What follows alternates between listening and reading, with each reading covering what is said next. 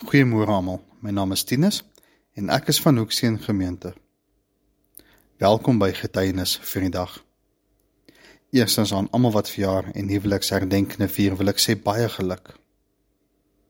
Mag God julle seën in die jare wat kom en mag julle wandel in sy weë tot in lengte van dae.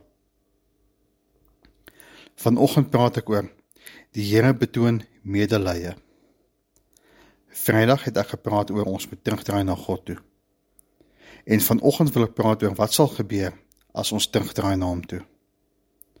Wanneer ons terugdraai na God toe, dan sal hy medelee betoon aan ons. Nou as jy in die Woordeboek kyk, dan beteken medelee 'n gevoel van jammerte vir iemand.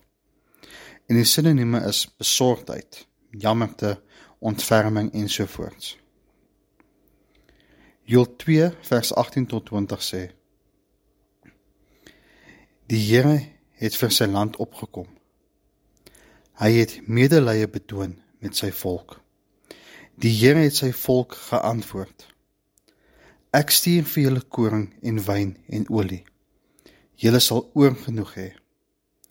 Ek sal julle nie weer tot 'n bespotting onder die nasies maak nie. Hierdie vyand uit die noorde sal ek wegvat van julle af. Ek sal hom wegjaag na 'n droë en verwoeste land toe. Sy voorpunt sal in die dooie see beland en sy agterhoede in die middel Middellandse See. Sy stank sal opstyg, sy slegte reuk sal versprei, want hy het hom groot gehou. So wanneer jy terugdraai na God toe met berou in jou hart, dan sal hy jou barmhartig wees en hy sal laat dit weer goed gaan met jou. Hy sal die regte deure vir jou laat oopgaan. Hy sal vir jou koring, wyn en olie gee sodat jy genoeg sal hê. Maar net soos hy die regte deure vir jou gaan oopmaak, so sal hy verkeerde deure toemaak. Daai dinge wat jou laat wegdwaal het van hom af. Daai vyand wat jy self in jou lewe gebring het, gaan hy nie net verwyder nie, maar wegjaag van jou. Hy sal dit verskeer dat sy voorpunt in die dooie see beland. En agterhoede in die Middellandse See. Dit sal so ver en wyd versprei word.